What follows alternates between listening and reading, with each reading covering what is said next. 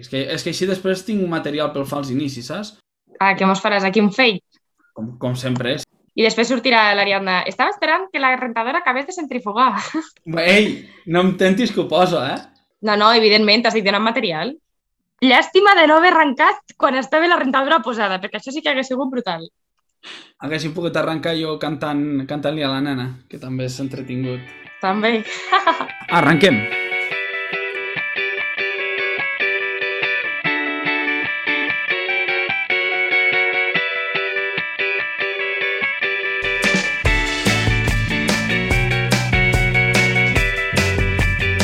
Molt bones a totes i tots i benvinguts a Enginyers el Podcast, l'espai sonor on despullem la professió d'enginyer i naveguem per tots els racons que ofereix aquesta professió.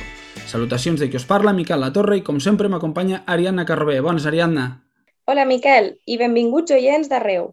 Avui ens acompanya l'Eduard Oró, doctor en Enginyeria per la Universitat de Lleida, màster en Ciències Aplicades a l'Enginyeria també a la Universitat de Lleida i MBA a la Universitat Rovira i Virgili i, a més a més, col·legiat de la demarcació de Lleida de l'EIC. Hola, bona nit, què tal? Com esteu? Bona nit. Avui tenim un episodi molt especial el del podcast, perquè l'Eduard no només és el CTO de, de Solember, sinó que per segon capítol consecutiu tornem a tenir un doctor en enginyeria als micròfons d'enginyers del podcast, el segon de la demarcació. Eh, no res, benvingut, Eduard. Un plaer compartir micròfon amb tu aquesta estona i a veure si estàs llest per començar amb la nostra entrevista. Bé, moltes gràcies per la benvinguda i aviam, aviam com va l'entrevista. Com ja hauràs escoltat en capítols anteriors, hem pres per costum començar la conversa dels nostres convidats amb Enginyers el Test, la nostra bateria de preguntes per conèixer una mica més qui és l'Eduard. Estàs preparat? Sí. Com que l'entrevista anterior va començar a l'Ariadna, avui m'agafo jo la llicència. I comencem. La primera, la de sempre. Eh, la vocació. L'enginyeria ha estat sempre la teva vocació o et va venir després amb els anys a base d'anar madurant i anar agafant experiència? Sí, no, va venir durant amb els anys. És a dir, no tinc cap eh, enginyer dins la família, però pues, al batxillerat sempre t'agrada... bueno, a mi m'agradaven els, número, els números i també va ser una mica per, per les circumstàncies que, que potser amb 18 anys no em veia jo preparat per marxar de casa i llavors pues, vam començar enginyeria industrial tècnica aquí a Lleida i després ja tot el recorregut a la superior, etc. Sembla que això de els números al batxiller és, és una màxima i és el detonant al, al que tothom fa abocar a la carrera d'enginyeria. De totes formes, ja ho has comentat, tu has fet una, una carrera llarga, per tant, si ho vas decidir més tard, ho vas decidir de valent. Sí, bueno, aviam, de fet, de, com a tal, la professió d'enginyer industrial pràcticament des de la porta des del 2018 i, i, i professionalment, és a dir, tinc un sou des del, com a mi, un, un sou dedicat a l'enginyeria més global, eh? des del 2013, és a dir, que durant cinc anys vaig estar fent coses eh, relacionades amb l'enginyeria, però no, no com a professió d'enginyer industrial com ara. Sí que és cert que en aquell moment també ens vam, eh, ens vam col·legiar, però inclús després vaig deixar el col·legi quan, i després hi he tornat. És a dir, que tinc dos insígnies des d'aquest punt de vista. bueno, al final cadascú segueix el seu recorregut i, i al final la vida et porta on t'acaba de portar, però sí que és cert, Miquel, que molts dels que estem entrevistant ens diuen el mateix, que els agradava més les, les, els números que no pas potser les lletres i, i al final tots hem acabat, hem acabat cap aquí. Bueno, Eduard, i què ens podries dir? Què és el que més t'agrada de la professió o què és el que t'intriga o et fa patxoca? Bueno, mira, el, el canvi aquest eh, radical des del meu punt de vista de, de, de la professió d'enginyer va ser que quan jo estava a l'IREC, que és l'Institut de Recerca d'Energia de Catalunya, fent investigació, um, estàvem en un, en, un, en un nivell alt en el sentit de que en la pràctica tampoc no portava res a la pràctica, és a dir, que tot era molt articles publicats, llibres, etc. I llavors va arribar un, punt que, ai, un, un punt, perdó, que me faltava com a tindre un peu en el mercat. És a dir, eh, basta ja de publicar coses... Eh, bueno, el tema d'articles va arribar un moment ja que em vaig saturar i vaig dir, ostres, a veure si puc reencarar la meva carrera professional eh, fent coses més palpables, és a dir, que se'n puguin aprofitar realment la gent. i llavors a poquet a poquet com tot, eh? tampoc no és un canvi d'un dia per l'altre, sinó que potser vam tindre, vaig tenir una transició d'un any, un any i mig, doncs que vaig començar a fer projectes per una persona que, que avui en dia s'ha convertit en el meu soci. I, I així és que al final és, no és d'un dia per l'altre, dius, vinga, ara canvio, almenys en el meu cas no va ser així, en cap de les, dels canvis que he anat fent, sinó que ha estat una cosa gradual. I ara amb el que estàs treballant em, t'hi sents més a gust, veus que té sortida i que la gent realment em, se n'està beneficiant de la feina que esteu fent vosaltres com a enginyers? Sí, clar, ja, ara nosaltres tenim molta sort perquè, com a empresa, eh, com a Solember, perquè estem dintre del món de les energies renovables i de l'eficiència energètica. Per tant, ara mateix eh, estem en un moment molt, molt dolç, eh, tant per l'empresa com pel sector. És a dir, d'igual, eh, si l'empresa anés malament, hi hauria una altra empresa del sector que, que segurament podria encaixar-hi. Però, clar, eh, ara és molt reconfortant on eh, els projectes, els estudis, etc, tots tenen un encaix on a tothom li encaixa perquè són econòmicament viables, um, també tenim el vent a favor de la, de la legislació i ara recentment el vent favorable um, de les ajudes, eh, que a vegades um, són complicades de gestionar en aquest sentit, eh, perquè no sempre ajuden o, o milloren el sector, sinó que el fan revolucionar i potser ens passem de frenada però bueno, és el que hi ha. Doncs sí, o sigui, en conclusió sí, és a dir, clar, estem molt contents de la situació també que, que vivim. Eh? I a part d'aquest fantàstic moment que viu el vostre sector, algun altre exemple d'algun moment que recordis amb carinyo de la teva vida professional, com, com a enginyer com a tal o, o com a enginyer investigador, que al final, eh, a fi de comptes és enginyer igualment, eh, d'aquesta vida laboral recordes algun moment especial, dolç, bonic? Sí, el, el primer contracte que vam signar... bueno, eh, te'n podria explicar dos. És a dir, el, el primer projecte europeu que guanyes o el, el primer consorci europeu important que montes, això és un, un gran hito i els, això és un, diguéssim, eh, i el segon també Um, a nivell ja més de projecte industrial, doncs, um, en el meu passat, quan estava al centre de recerca, doncs el primer gran projecte, projecte industrial que, que guanyes. És a dir, que vas a unes xerrades, coneixes a gent d'una multinacional, vas fent reunions i els encaixes de la manera que treballes i et contracten i en particular amb, amb l'empresa Celnex, que està, participa, està a l'IBEX, és a dir, si són empreses importants a nivell estatal i també, bueno, que en particular a nivell europeu. Bueno, jo no vull ser aguafiestes, però suposo que dintre de tot aquest bon moment que ens dius que, que esteu vivint amb l'empresa a la que esteu, els, els convenis o els contractes que teniu, eh, ens podries dir també quin ha estat el pitjor moment que has viscut com a enginyer? Com a enginyer, eh, si te soc franc, no he tingut cap mal moment. És a dir, exercint la meva professió, eh, t'estic parlant, d'enginyer, eh, no n'he tingut mm, cap, do, cap de dolent. A, a dia d'avui toquem fusta, eh, perquè eh, per, malauradament en el sector hi ha accidents, eh, hi ha gent que pren mal, hi ha gent que malauradament es mor eh, per aquí a les comarques nostres. Per tant, toquem fusta en aquest sentit. Sí que en algun altre àmbit, eh, no com a, com enginyer com a tal, sinó, per exemple, quan estàs a, quan has estat a l'IREC o, o també de postdoc a la UDL, doncs que fiques molts, molts esforços en, en fer un consorci potent o molt potent a nivell europeu eh, i quedes el quart quan al tercer li donen finançament, doncs clar, eh, passes una mala setmana, la veritat. Eh, però bé, eh, al final s'ha prenat de tot. Eh? Vull dir, eh, segurament li faltava alguna en, aquella, en aquell consorci, però bueno, és el que hi ha. És tot un exemple de com lidiar amb el, amb el fracàs, perquè al final ens comentava també la Montse en, en entrevistes anteriors que un dels seus moments dolents era aquest, era, era el fer front a, a quan no surt, eh, quan no hi ha fruit de tot l'esforç que hi dediques i saber-se posar i sobreposar a totes aquestes circumstàncies i aquests mals moments és, és tota una virtut, eh? I al final no tothom, no tothom ho sap fer i, i és d'admirar. Però, bueno, re recapitulem. Recapitulem, han vist una miqueteta totes les coses bones que dius, alguna de dolenta que has deixat entreveure, eh, ni que, gràcies a Déu, no, no massa dolenta.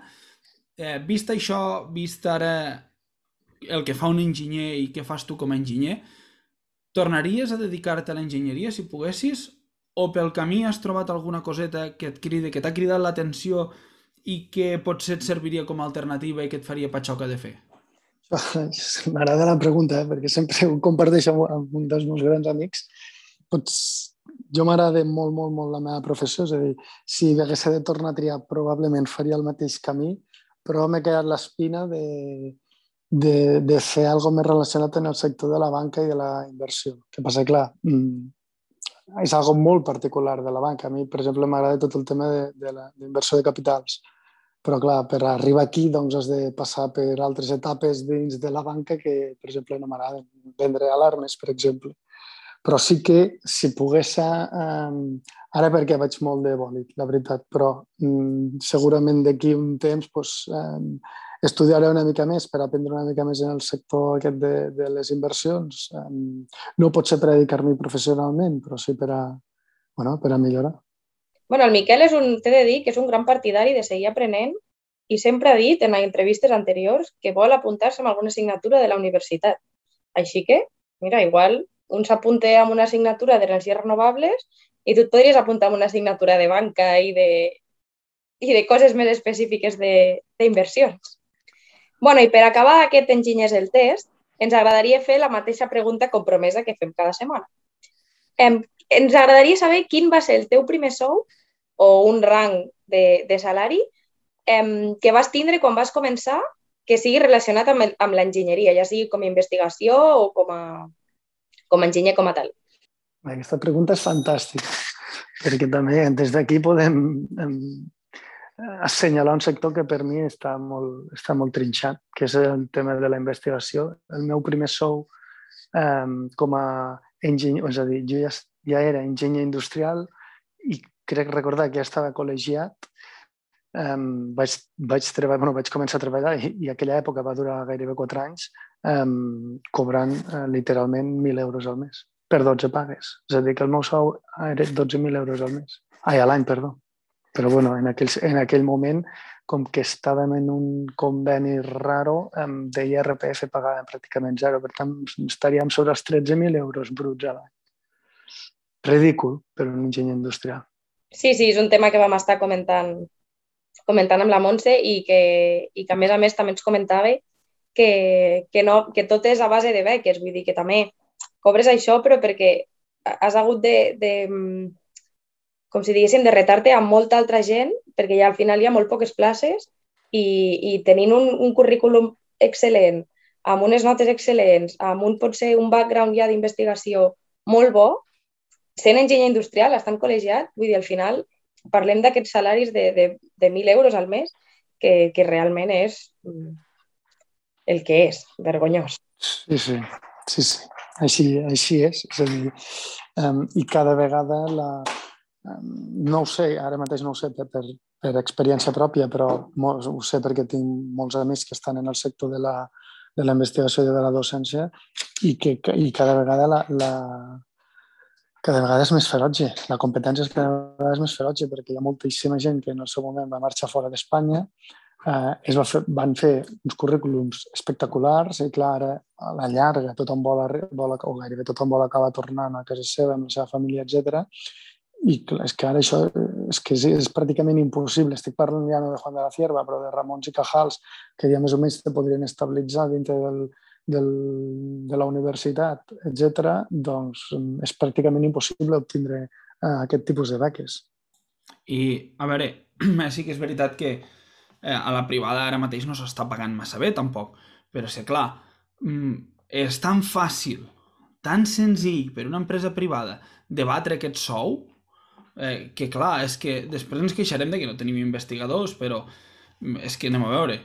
La, la realitat és una llosa que ara mateix pesa molt sobre el sector. Qualsevol empresa, per petita, per startup que sigui, per, poc, per pocs calés que tingui, li surt més econòmic pagar un enginyer que està fent un doctorat, millorar-li una miqueta el sou, que pagar-se a si mateix, al propi autònom, perquè és que els sous són extremadament baixos. Però bueno, no ens menjarem el temps eh, fent més eh, reclamació del sector, perquè crec que eh, només dient el número queda, queda ja marcat i ja queda vist per, per sentència i queda vist per tothom de que realment és una, un reclam que s'ha de fer i que, i que s'hauria de pensar molt bé a nivell, a nivell país.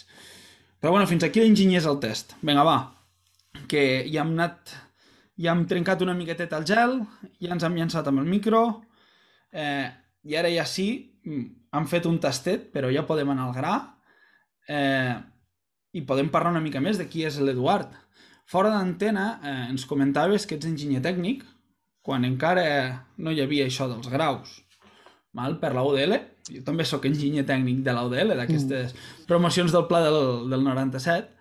Eh, després amb la superior feta a Terrassa i després, algo que ens ha cridat molt l'atenció, que és un any viatjant món. Un any per tu, viatjant i coneixent, i coneixent cultures, coneixent món. Què et va impulsar a prendre aquest any lliure i dedicar-te-la tu?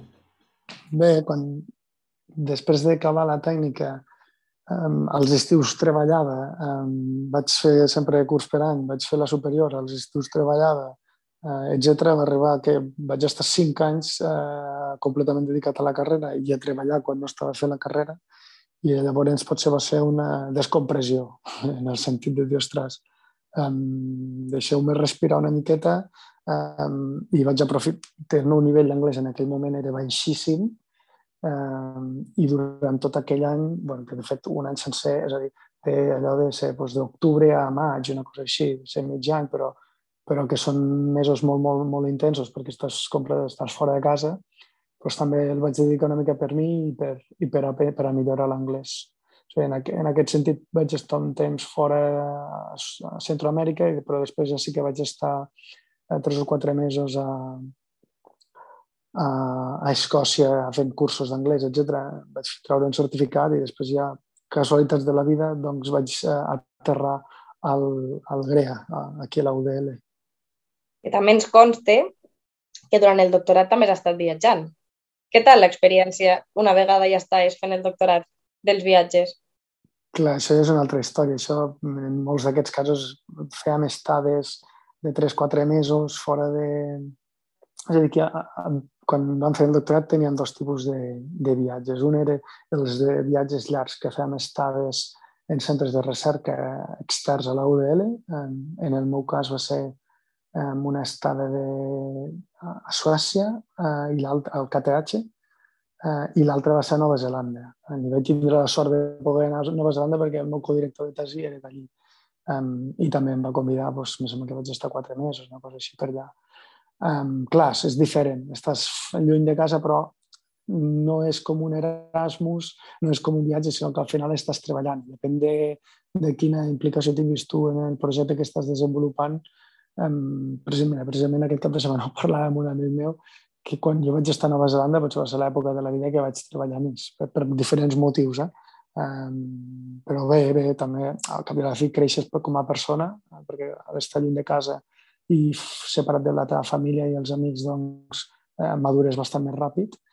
Um, I jo sempre tinc una bona experiència. A banda d'aquestes estades, eh, llavors també nosaltres vam tindre molta sort en aquell moment que vam estar participant en moltes conferències internacionals, fem reunions de l'ànex 25 a nivell eh, internacional, vull dir que no, en aquest sentit vam tindre molta sort i vam estar viatjant per feina, que evidentment sempre ho barreges una mica per plaer. Però bé, bé molt bé, interessant. I després eh, d'aquí vas passar a, a l'IRAC, a l'Institut de Recerca de l'Energia de Catalunya. I, bueno, durant gairebé cinc anys. Què vas estar fent aquí a l'IRAC exactament? Correcte. Llavors, quan vaig acabar la... bueno, quan vaig eh, doctorar que recordo que era el febrer del 13, ara no recordo si era el febrer del 13 o el febrer del 12. És que quan passa tant el temps ja no ni recordes això. Um, llavors vaig, eh, bueno, vaig començar a aplicar perquè a la, a la UDL eh, has de prendre una decisió de si t'hipoteques, eh, o almenys quan jo estava, eh, i em sembla que ara igual, eh, o t'hipoteques durant molts anys a veure si ets una, la, la gran apreciada plaça per a poder um, participar i per a poder estabilitzar-te dintre de la UDL o te busques la vida. i jo tampoc no soc d'aquestes persones que, que m'apalanco en aquest sentit, sinó que m'agrada buscar la vida i canvis professionals i va sortir l'oportunitat d'anar a l'IREC um, i la vaig aprofitar i vaig anar-hi.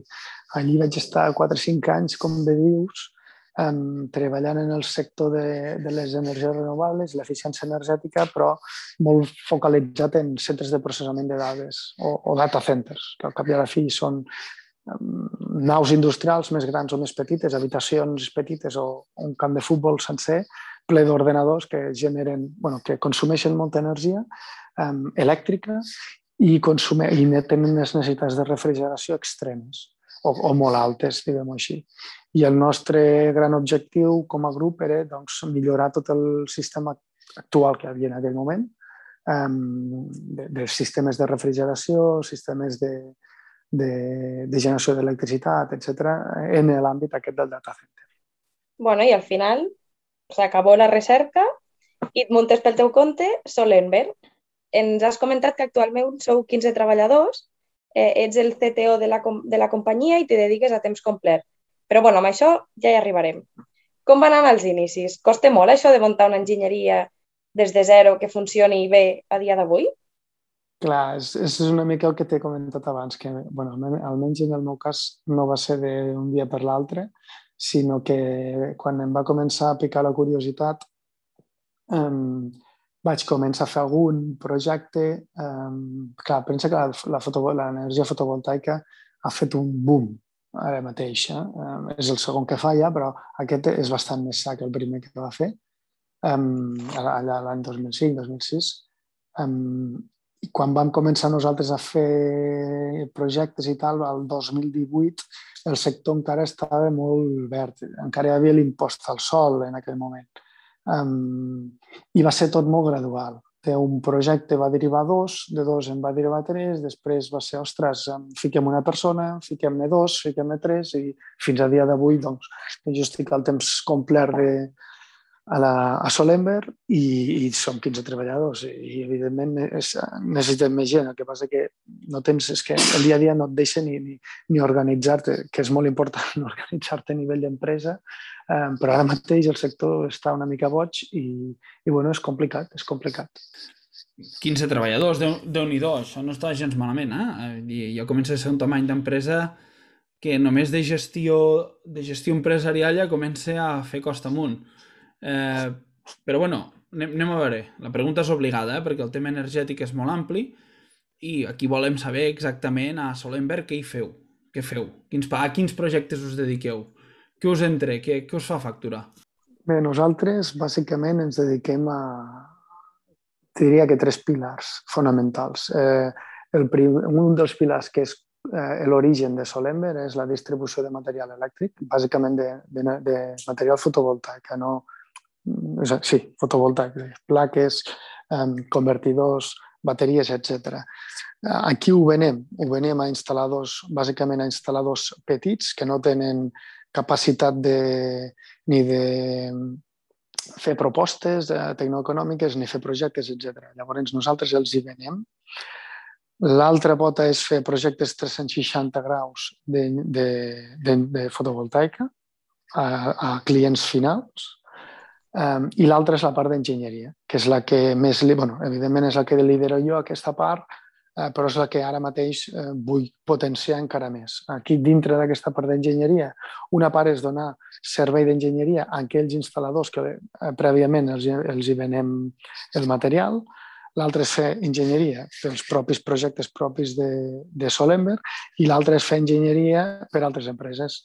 Mm, ja siguin empreses del sector, eh, és a dir, empreses de fotovoltaica, eh, i ara mateix estem una mica eh, obrint mercat en aquest sentit. Estic encara portant projectes d'investigació amb, amb Celnix, que, que això ja me deriva de, de, de l'IREC, però, per exemple, ara estem en col·laboració, bueno, durant tot aquest any estem en col·laboració amb la UDL i en particular amb el, amb el professor Álvaro de Gràcia, que, que per cert va ser un, un, un dels meus companys de tota la carrera i del doctorat, on fem també estudis d'eficiència de, energètica i integració de renovables per, per diferents uh, sectors. Ara mateix, per exemple, estem amb, ajudant a molts ajuntaments per a per a fer una mica plans estratègics des d'un punt de vista de, de, de, de l'eficiència energètica, implementació de renovables, etc als municipis.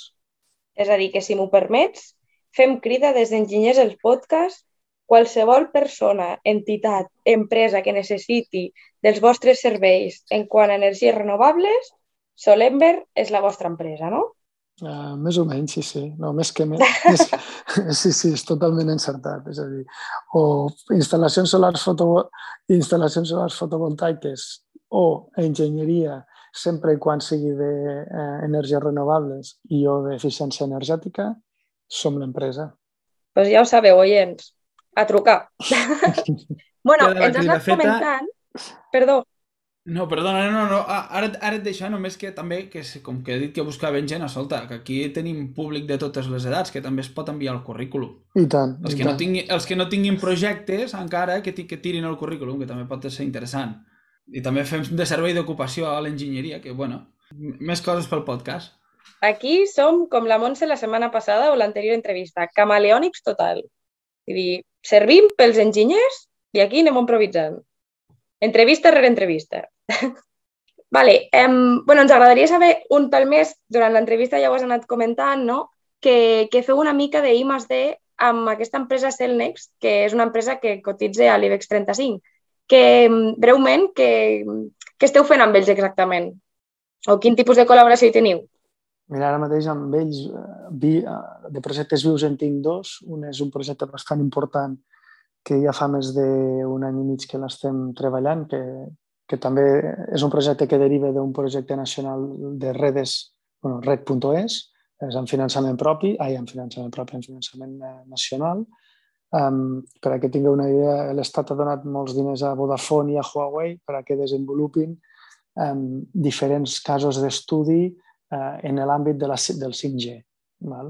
Um, perquè bueno, el, el 5G de, està desembocant o, o ja hi és en la societat en molts àmbits, des de el control de persones en estadis de futbol o aeroports, o control de cotxes en, en les fronteres o, o eh, centres de telecomunicacions, que és el nostre cas. I en aquest cas en particular nosaltres el que hem fet amb ells és dissenyar i construir eh, una caseta de telecomunicacions. Per a que tingueu una idea, una caseta de telecomunicacions és la típica caseta que trobes tu quan vas pel, amb l'AVE o amb la carretera o, o amb el cotxe per autopistes o carreteres així més o menys importants que estan al cantó d'una torre um, que bàsicament és una torre de repetició de telefonia, doncs aquelles casetes dintre hi ha equipament. Uh, aquest equipament de... electrònic doncs, el mateix, consumeix electricitat i necessita refrigeració. I en aquest àmbit i en aquest, en aquest projecte, eh, això, doncs vam fer un disseny innovador, bueno, bastant innovador, de lo que hi havia fins a dia d'avui, eh, tant a nivell d'envoltori de, de la caseta com a nivell d'equipament de refrigeració, etc. El vam construir a les nostres, al, al nostre taller de Lleida, el vam carregar amb un camió i el vam enviar a Sevilla i ara portem des del juliol, no aquest, sinó des del juliol passat, estem mesurant eh, el seu comportament durant tot un any. I ara, de fet, eh, de fet aquesta setmana, el dia 30 de setembre s'acaba la, el, tot el procés aquest de monitorització i després tenim un mes per fer l'informe final. Aquest informe s'envia pues, a, primer a Celnex, però posteriorment anirà a Vodafone. Perfecte. I ara va, l'última pregunta. Ara que ja ens has explicat la, la teva experiència amb Celnex, ara la, la més difícil de totes, eh? això que t'han preguntat pel sou. Eh, ara què? Com planteges el teu futur? Amb, amb, amb quatre frases. Que, per on ho enfoques? Cap on vas? Cap, o cap on aneu amb Solember? Bueno, jo crec que el sector de la fotovoltaica té 4-5 anys en aquest ritme, per tant, ens haurem de preparar a nivell estructural per a aguantar 4 o 5 anys en aquest ritme. Actualment no tenim l'estructura per aguantar això. Cada dia estem treballant fins a les 12 de nit, això no pot ser. Um, això d'una banda. I de l'altra banda, ara mateix estic intentant potenciar molt més tota l'àrea de, de la enginyeria de, dins de Solember, sempre focalitzada a, a I D, energies renovables i eficiència energètica. És una mica el que venia fent fins ara a nivell d'investigació, però um, intentant ajudar a les empreses, als municipis, etc. això és un, un, un projecte més a mig plaç, és a dir, d'aquí cinc anys la fotovoltaica caurà i necessitem estar vius d'aquí cinc anys fent altres coses. Doncs moltes gràcies, Eduard. Fins aquí Enginyers el podcast. Moltes gràcies per acompanyar-nos avui. Ha estat un autèntic plaer poder compartir amb tu aquesta estona i haver pogut aprendre de tu i de les teves experiències. Com sempre, als nostres oients, per tots aquells que vulgueu, al nostre web d'Anchor, a les notes del capítol, com sempre, teniu el link. Podeu deixar-nos notes de veu a l'estil WhatsApp preguntant el que vulgueu als nostres convidats, és a dir, eh, si us ha quedat algun dubte o hi ha quelcom que vulgueu preguntar a l'Eduard, deixeu la nota de veu i nosaltres li fem arribar. Moltes gràcies pel vostre temps, ha estat una horeta molt divertida i molt amena. Bueno, res més a dir. Moltes gràcies, Eduard, en nom de tot l'equip d'Enginyers el podcast i a tots els nostres oients per acompanyar-nos avui. Fins aquí aquest capítol moltes gràcies per acompanyar-nos una setmana més. Recordeu seguir el podcast a la vostra plataforma preferida i recomanar-lo als vostres amics, coneguts i saludats. Si teniu qualsevol suggeriment o queixa, ens la podeu fer arribar a lleida.eic.cat i estarem encantats de llegir-vos. Enginyers, el podcast arriba avui aquí. Ens escoltem en el proper capítol amb nova companyia i un altre punt de vista de la nostra professió, que de ben segur que no ens deixarà indiferents.